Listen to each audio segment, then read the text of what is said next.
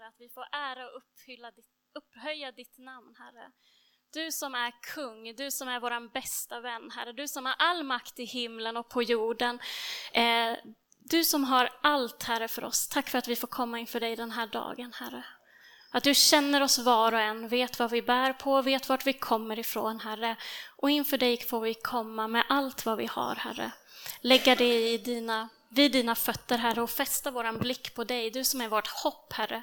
Du som är trofast genom allt, oavsett vad som sker i omvärlden eller vad som sker i våra egna liv, Herre så är du stor, Herre, och vi vill upphöja ditt namn, Herre. Vi vill tillbe dig, Herre, och vi älskar dig, Herre. Tack Jesus för att du är här mitt ibland oss. Amen.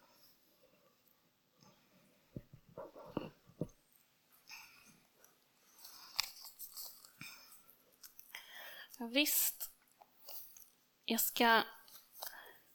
Jag hade precis som Katrin också förberett mig att tala om någonting som hörde ihop med Pelle Karlsson-sångerna.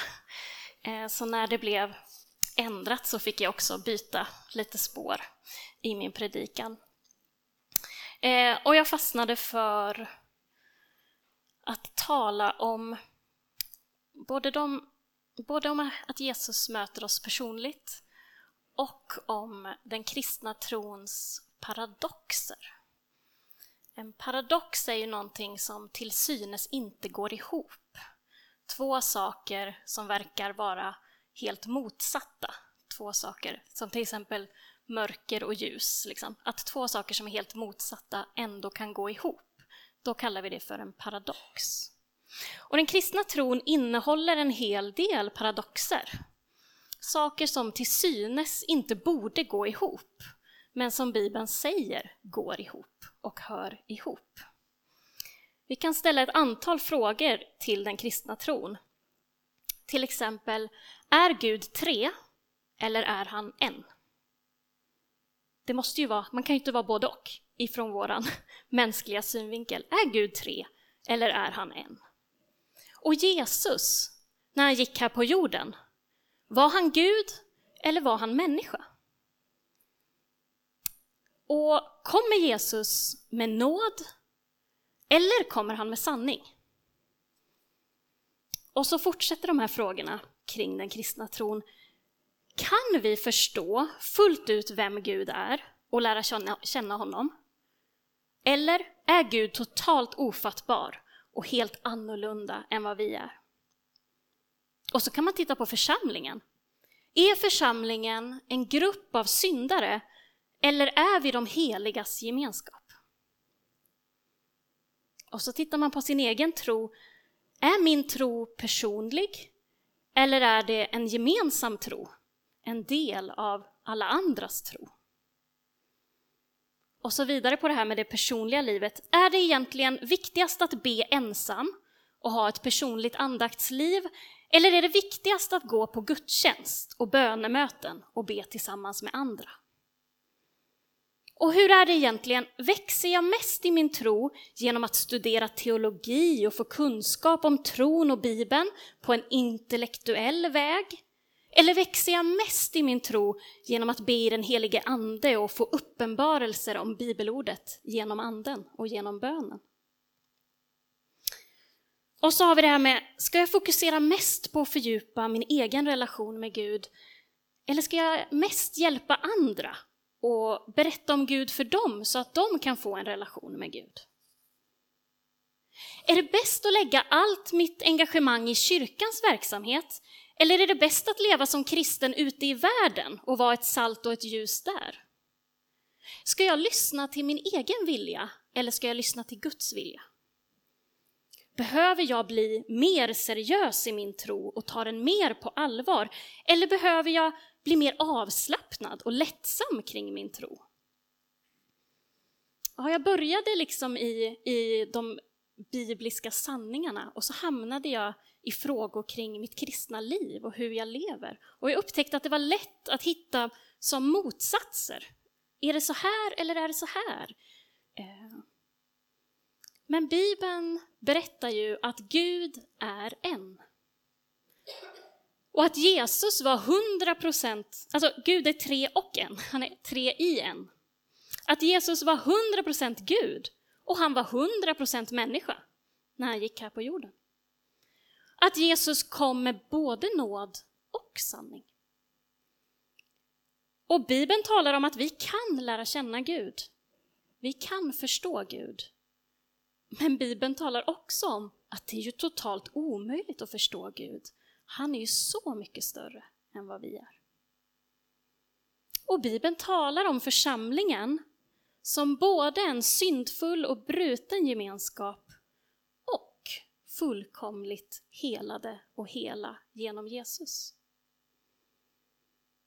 Och min tro är ju både personlig och egen och samtidigt en del i den gemensamma tron, i hela kyrkans tro. Och det är ju både viktigt att ha ett eget böneliv och ett eget samtal med Gud och att delta i kyrkans gemensamma samlingar med bön och lovsång och undervisning. Och det är ju så att jag växer i min tro när jag använder mitt intellekt och mitt förstånd och när jag studerar och lär mig saker om Bibeln och Gud. Jag växer i min tro när jag lägger undan mitt förstånd och låter den helige Ande få uppenbara sånt i Bibeln som jag tidigare inte har förstått. Och jag uppmanas att fördjupa min egen relation med Gud, men också att vara med och berätta om den för andra och hjälpa andra att få en relation med Gud. Och det är jättebra att vara engagerad i kyrkan. Och det är jättebra att vara engagerad i världen. Att vara ljus och salt på sin arbetsplats, i idrottsföreningen och i politiken eller i andra sammanhang. Och det är inte ens så att min vilja står emot Guds vilja, att det är två helt olika saker. Utan det handlar ju om att Gud har gett mig en egen vilja och hans vilja är att samarbeta med den. Alltså att jag kan lyssna till min vilja, att jag kan säga vad jag vill till Gud och i det lyssna in, Gud vad vill du i detta som jag vill? Hur kan våra viljor samarbeta? Och ibland så är vi alltför oseriösa och lättsamma. Ibland så kanske vi tar Gud och tron lite för givet och med en klackspark. Men andra gånger kanske vi tar tron så mycket på allvar att vi blir krampaktiga och upplever att Gud är ett krav. Och då kan vi behöva mer lättsamhet och avslappning och skratt. Så den kristna tron och det kristna livet består av många olika saker som är sanna samtidigt. Som där det handlar om ett både och snarare än om antingen eller. Och många gånger så uppstår problem och splittringar i kyrkan just när vi håller för mycket fast vid den ena och hävdar den ena på bekostnad av den andra. Att det här måste ju vara sant, då kan inte det, här, det där vara sant. Men det är en paradox. Två saker som ser ut att stå emot varandra är sanna. Men det är lätt att hamna i ett dike när vi betonar en sak mycket mer än de andra. Och det är ju ett av pingströrelsens tunga bagage som vi bär på, det är ju att vi hade en väldigt stark betoning på församlingen som de heligas gemenskap. Så att det ledde till en förväntan om att kristna måste leva perfekta liv. Det viktigaste blev hur saker ser ut. Och därmed blev ytliga saker väldigt viktigt. Det blev väldigt viktigt vilken frisyr man hade eller hur lång kjolen var. Det blev väldigt viktigt eh, att man levde rätt och riktigt, så när saker misslyckades, när det inte blev som man hade tänkt sig, kanske en skilsmässa eller att bli gravid utan att vara gift, då ledde det till uteslutning. För församlingen skulle ju vara ren, den skulle ju vara helig. Och så blev betoningen att den skulle vara perfekt. Men det kom alltså ur en biblisk tanke. Det är Bibeln som talar om att församlingen är de heligas gemenskap. Men det vägdes inte upp med insikten om att församlingen är också de brustnas gemenskap. Församlingen är också en gemenskap av människor som erkänner och bekänner allt står inte rätt i mitt liv. Jag gör inte alltid allting rätt. Ganska många gånger så misslyckas jag och just därför behöver jag Gud. Just därför behöver jag en gemenskap av andra som också erkänner, jag är inte heller perfekt. Jag lyckas inte heller med allt, men kom så samlas vi runt Jesus. Han som ser oss sådana som vi är. Han som inte kräver att vi ska vara något vi inte klarar av att göra. Församlingen är också kallad att vara en gemenskap där vi hjälper varandra närmare Jesus. Där vi hjälper varandra fram till förlåtelse, helande och upprättelse. Och därmed inte sagt heller att vi ska hamna i det andra diket, som kanske den lutherska kyrkan är känd för. Att man alltid ska säga, att jag är en syndare, jag är en hopplös syndare, jag kommer aldrig bli något annat än en syndare. Gud är god, men jag är ju alltid en syndare. Det är det andra diket. Eh, där, man, eh, där man inte har förstått möjligheterna i upprättelsen och befrielsen i Jesus Kristus. Att vi verkligen är heliggjorda genom honom. Att vi fullt ut kan få ta emot befrielse från synden och att vi kan få leva ett nytt liv tillsammans med Jesus, mitt i all vår brustenhet och mitt i den här världen som sårar oss och som får oss emellanåt att göra fel. Då är vi heliggjorda i honom, helade och befriade. Och vi är de heligas gemenskap. Men vi är det på grund av vår brustenhet också. På grund av att vi erkänner den och tar emot helandet från Jesus. Församlingen är inte antingen de heligas perfekta gemenskap eller de brustnas och sårades gemenskap. Församlingen är både och. En av den kristna trons paradoxer som kan vara svårt för oss att få ihop. Därför och just därför landar vi lätt i något av diken. Det är två saker som är sanna eh, och förenade därför att de förenas i Jesus Kristus. De förenas i att Jesus är just nåd och sanning, inte antingen eller. För det är nämligen i Jesus Kristus själv som de här paradoxerna förenas. För kristen tro är inte ett system av åsikter. Kristen tro är inte en tabell av formler som ska räknas ut och sen ska det gå ihop på slutet och så kan vi bocka av det och tänka yes, jag har fattat allt. Kristen tro är en person. Kristen tro är Jesus Kristus. Några av de sakerna jag satte upp som motsats, motsatser som jag ibland kan se i kyrkan, bland kristna och i mig själv, det är när vi står och väger så här, ska man studera teologi och få kunskap om tron och Bibeln genom att använda sitt förstånd? Eller ska jag snarare be mer och tänka att det där är dåligt och att det jag behöver är den heliga Ande? Eh, och är det då, så står vi mellan det här, är det bäst att jag engagerar mig massor i kyrkan eller är det bättre att jag är kristen ute i världen? Och så det som jag tog upp där med, ska jag lyssna på min egen vilja? Ska jag lyssna på Guds vilja? Ska jag stänga av min egen vilja för att förstå vad Gud vill? Och behöver jag bli mer seriös i min tro eller skulle jag behöva bli lite mer avslappnad? Svaret är aldrig en av de här sakerna. För svaret är att det som för dig närmare Jesus, det är det bästa. Ibland är det att använda sitt förstånd, att få studera, ta reda på hur saker ligger till, använda sin hjärna, ställa frågor, läsa böcker som för mig närmare Jesus.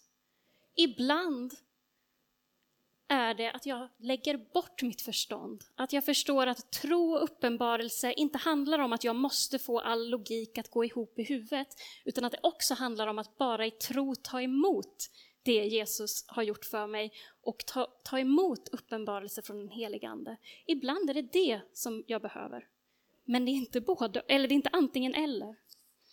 På samma sätt så är det ibland så att ja, jag ska lägga allt mitt engagemang i kyrkan. Jag ska ge allt mitt bästa till de verksamheter som finns i kyrkan. Ja, jag ska prioritera de samlingar som finns i kyrkan, för det är det som för mig närmare Jesus.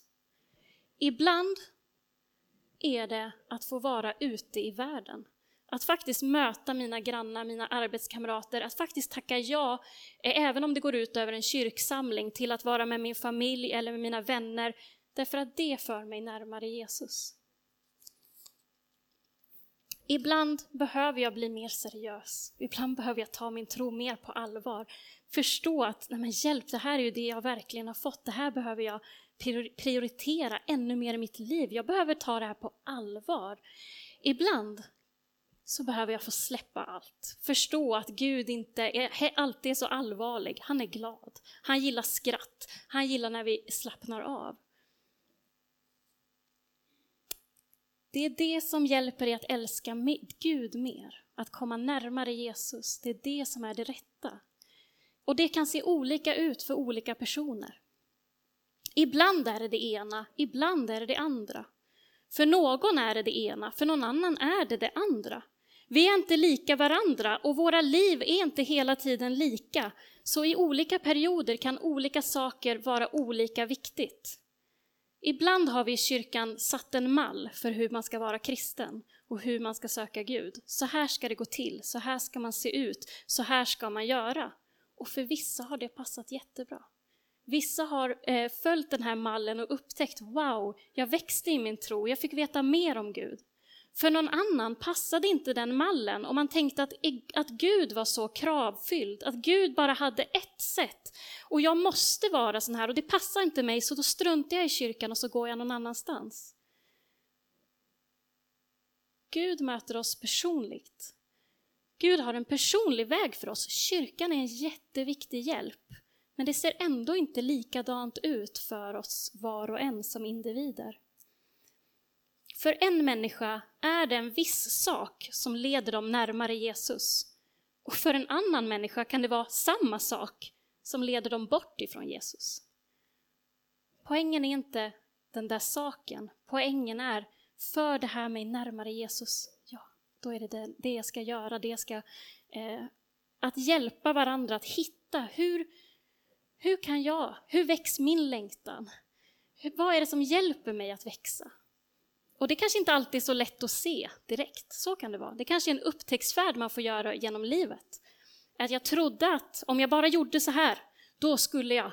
Och så märkte jag att det funkade inte. Och så vågade jag pröva något annat.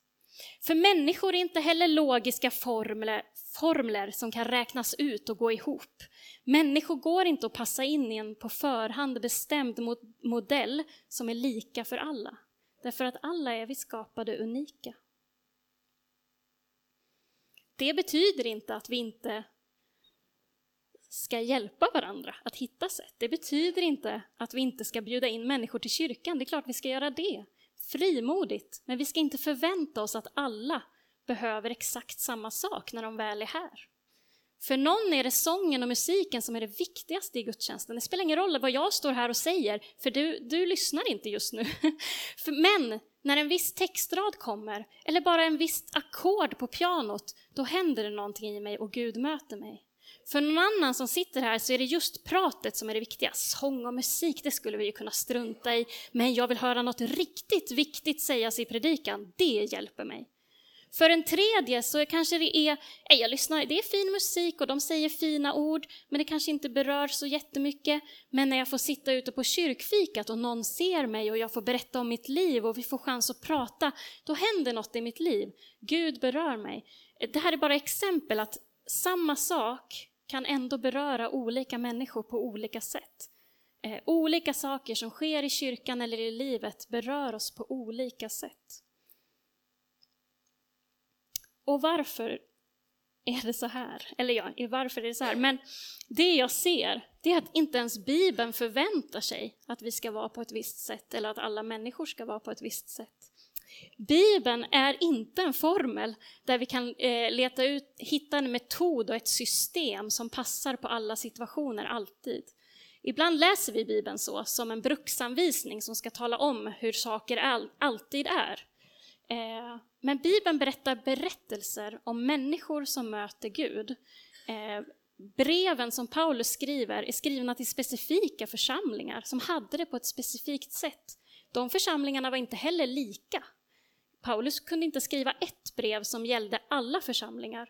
Eh, han fick skriva lite olika till olika församlingar, för de gick igenom olika saker i sina församlingar. Men jag bläddrade igenom evangelierna, för det dök upp i mitt huvud nu när jag satt och förberedde det här. Hur mötte Jesus människor? Gjorde inte han ganska olika? Jag måste kolla. Det är ett tips. Jag tror inte att jag kommer kunna berätta alla här, för bläddra i evangelierna och bara notera varje gång Jesus möter en människa. Hur han, gör han? Vad säger människan? Vad säger Jesus? Jag gjorde det här på morgonen och jag hittade många olika sätt som Jesus möter människor på. Han möter dem verkligen personligt, var och en. Jesus möter många människor som behöver helande. Han möter en man som kommer fram till honom och säger om du vill så kan du göra mig ren. Då står det att Jesus sträckte ut sin hand, rörde vid honom och sa jag vill bli ren. Och genast var mannen fri från sin spetälska. En annan gång så kommer en grupp på tio personer som har sjukdomen spetälska. De ställer sig på avstånd och så ropar de eh, till Jesus. Kan du, kan du hela oss? Det är lite ur minnet. Och då säger Jesus, gå och visa upp er för prästerna. Och medan de var på väg dit blev de rena från sin spetälska.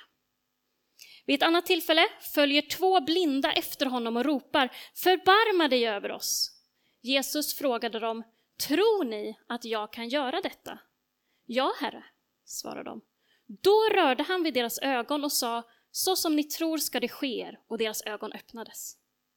Så kommer vi till ett annat tillfälle, en annan blind man, Bartiomaios, ropar, Davids son, förbarma dig över mig. Jesus stannade och sa, kalla hit honom. Då kom den blinde fram och Jesus frågade, vad vill du att jag ska göra för dig?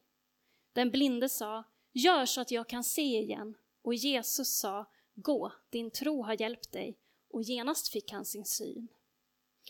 Så har vi flera blinda. Ett annat tillfälle så för människor fram en blind till Jesus och bad honom att röra vid mannen. Då tog han honom och ledde honom ut ur byn. Sen spottade han på hans ögon, la händerna på honom och frågade, ser du något? Han öppnade ögonen och sa, jag ser människorna, de går omkring, men de ser ut som träd. Då la Jesus händerna på hans ögon igen, och nu såg mannen allt tydligt och klart. Ytterligare ett tillfälle så möter Jesus en man som har en förtvinad hand. Jesus sa till mannen, räck fram din hand. Och mannen räckte fram den, och den var återställd och lika frisk som den andra. Märker ni olikheterna? Ibland lägger Jesus handen på, ibland talar han, ibland spottar han. Vem av oss vill vara den som Jesus spottar på? Men vi fortsätter. Det här är bara, vi har bara hamnat vid de spetälska, de blinda, en med en förtvinad hand. Så har vi eh, synagogsföreståndaren Jairus som kommer till Jesus och han bad enträget. Min dotter är döende, kom och lägg händerna på henne så hon blir frisk. Då gick Jesus med honom. Och sen hände lite annat och sen eh, uppväcker han den döda flickan. Men Jesus gick med honom hem till honom. Vid ett annat tillfälle är det en romersk officer som säger, min tjänare är sjuk. Men säg bara ett ord så blir min tjänare frisk. När Jesus hörde det blev han förundrad över officerens tro. Gå, så som du har trott ska ske. Och i samma stund blev tjänaren frisk. Där följde inte Jesus med. Och så har vi kvinnan med blödningar. Hon hade hört talas om Jesus och hon kom bakifrån och rörde vid hans mantel, för hon tänkte, om jag bara får röra vid honom så blir jag frisk. Och genast stannade hennes blödning och hon var frisk. Och Jesus märkte att det hade gått ut kraft ur honom, så han frågade, vem rörde vid mig? Och så säger Petrus, men det är hur mycket folk här som helst. Jo, men vem rörde vid mig? Kvinnan visste vad som hade hänt och kom darrande fram och berättade, och då sa han, min dotter, din tro har frälst dig, gå i frid och var frisk och fri från din plåga. Och sen kommer en man som har en son eh, som en ond ande attackerar. Och mannen säger, om du kan så förbarma dig över oss och hjälp oss. Jesus sa till honom, om jag kan. Allt är möjligt för den som tror. Genast ropade barnets far, jag tror, hjälp min otro. Och Jesus sa till den onda anden, far ut ur honom, och anden gjorde det. Man kom till Jesus med en döv som knappt kunde tala och man bad att han skulle lägga handen på honom. Då tog Jesus mannen åt sidan, bort från folket. Han stoppade fingrarna i hans öron, spottade och rörde vid hans tunga. Och sen såg han upp till himlen, suckade och sa öppna dig. Genast öppnades mannens öron och hans tunga löstes. Några exempel på hur Jesus möter människor på olika sätt. Vi kan fråga oss, hallå, varför gör han inte bara på samma sätt? Varför måste han spotta en gång och någon gång så lägger han handen på och någon gång bara säger han, kan han inte bara göra på ett sätt? Han möter varje människa personligt. Vi vet inte varför eh, det, det, sker på olika sätt alltid. Men det vi ser, det är ju att Jesus möter olika. Ibland är det personer som själva säger, hela mig, och Jesus helar. Ibland är det Jesus själv som frågar, vad vill du att jag ska göra för dig? Ibland lägger han handen på, ibland spottar han. Alltså Jesus är inte en formel, Jesus är inte en teknik, Jesus är inte en modell, Jesus är inte mekanisk, Jesus går inte på automatik. Jesus möter varje människa och varje situation på ett personligt sätt, här och nu. Det gäller också frågan om Förlåtelse hittade jag också. Det kopplar också till helande. En gång så kommer de ju till honom med en lam man. De, de får hissa ner honom genom taket, för det är så fullt med folk i huset. Och då säger Jesus eh, att han såg deras tro och sa till den lame, var lugn mitt barn, dina synder är förlåtna. Men varför säger han det där? Han skulle ju hela dem. Vi vet inte exakt, men Jesus möter den mannen så som han behöver. Och sen säger han, res dig, ta din bädd och gå hem. Vid ett annat tillfälle är det en kvinna som kommer till Jesus, hon faller på knä vid hans fötter. Eh, hon gråter, hon torkar hans fötter med sitt hår, hon smörjer dem med en balsam som hon har med sig. Och Jesus säger till henne, dina synder är förlåtna, din tro har hjälpt dig, gå i frid. Det här är en berättelse som vi får, det är inte en modell som vi får. Att varenda gång vi känner syndanöd så ska vi kasta oss ner, gråta, torka någonting med vårt hår och hälla balsam på någonting. Det är ju inte det som är poängen med berättelsen. Poängen är att den här kvinnan, den här människan, kommer till Jesus på bara det sätt som hon är. För henne betydde det någonting eh, att göra på det här sättet och Jesus väljer att möta henne på det sättet. Eh, vid ett annat tillfälle så vet vi att en kvinna blir framsläpad till Jesus och anklagad för äktenskapsbrott. Och när de andra har lämnat henne efter att Jesus har sagt till dem att den som är fri från synd ska kasta första stenen, då säger Jesus till henne, inte heller jag dömer dig, gå nu och synda inte mer. Han använder inte exakt samma ord varje gång han talar om synd eller förlåtelse, men han förlåter synd varje gång. Ehm.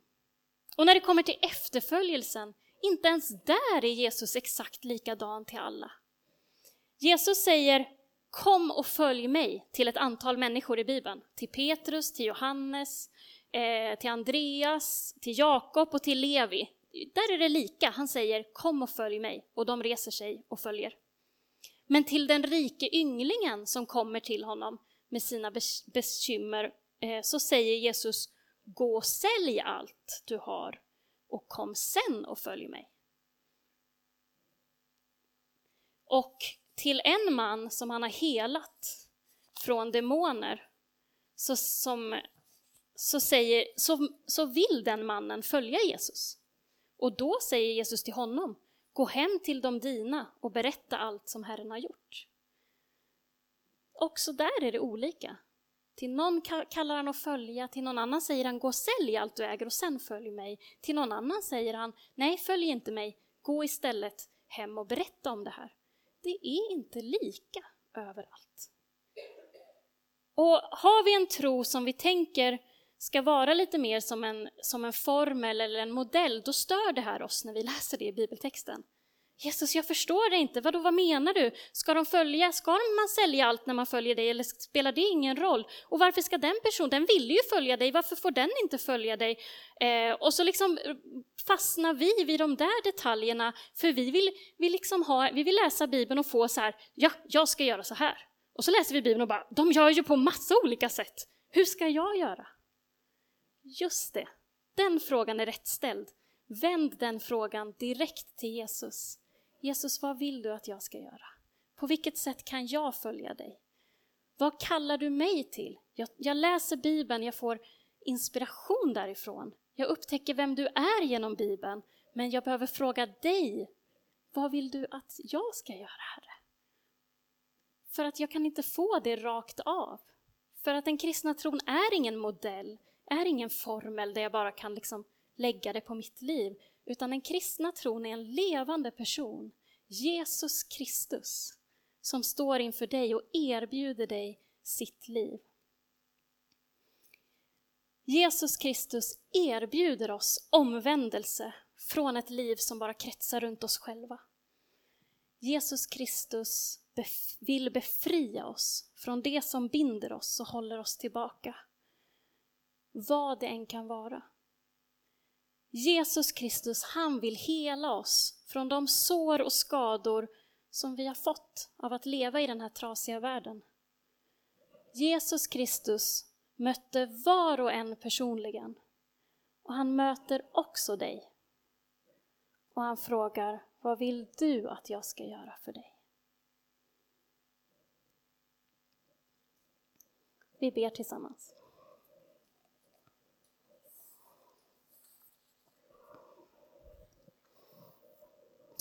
Jag tackar dig Jesus att vi får komma inför dig. Du som är en levande person, en levande Gud, en levande verklighet, Herre. Du som vill erbjuda oss ditt liv, Herre, av helande och befrielse. Du som utmanar oss till omvändelse och att följa dig, Herre. Du som kan befria oss från det vi sitter fast i. Vad det än är. Det kan vara av skam eller skuld eller besvikelse eller bitterhet eller sorg. Det som håller oss tillbaka, det kan du befria oss från, Herre. Och Jesus Kristus, du ser att vi ibland vill fastna i, i formler och system. Att vi vill att något ska gälla och alltid vara sant, Herre. Men hjälp oss att söka dig, du som är sanningen själv. Att inte titta så mycket på hur alla andra gör eller på hur det borde vara, utan att söka dig och fråga dig vad du har för just oss, för just mig. Jag tackar dig helige Ande för att du är här och du verkar här. Att du är våran tröstare och våran hjälpare. Att du vill visa på saker i våra liv som, som kan behöva helande. Saker i våra liv som, som du vill omsluta i din kärlek och din nåd. Lögner som vi har trott på, som du vill möta med din sanning. Du som är sanningen. Jag tackar dig Herre att du inte ser oss som en grupp, som en bunt, utan du ser oss var och en. Ser vad, vilka förutsättningar vi har i våra liv, ser vad vi har varit med om. Och att du just kan möta oss där vi är. Inte där vi tycker att vi borde vara, eller där vi önskar att vi var. Du möter oss där vi är, men du vill föra oss framåt, sätta oss fria och ge oss ett liv som är ett överflöd av ditt liv, Herre. Tack helige Ande för din närvaro. Kom och omslut oss och att den som längtar efter mer av dig ska få ta emot mer av dig just nu och i veckan som ligger framför, Herre. Att du inte bara är Gud här i kyrkan, utan att du är Gud i våran vardag. Att vi alltid kan vända oss till dig, Herre. Be för den som längtar efter mer av dig, mer av det i sitt liv. Kom heligande. Kom heligande.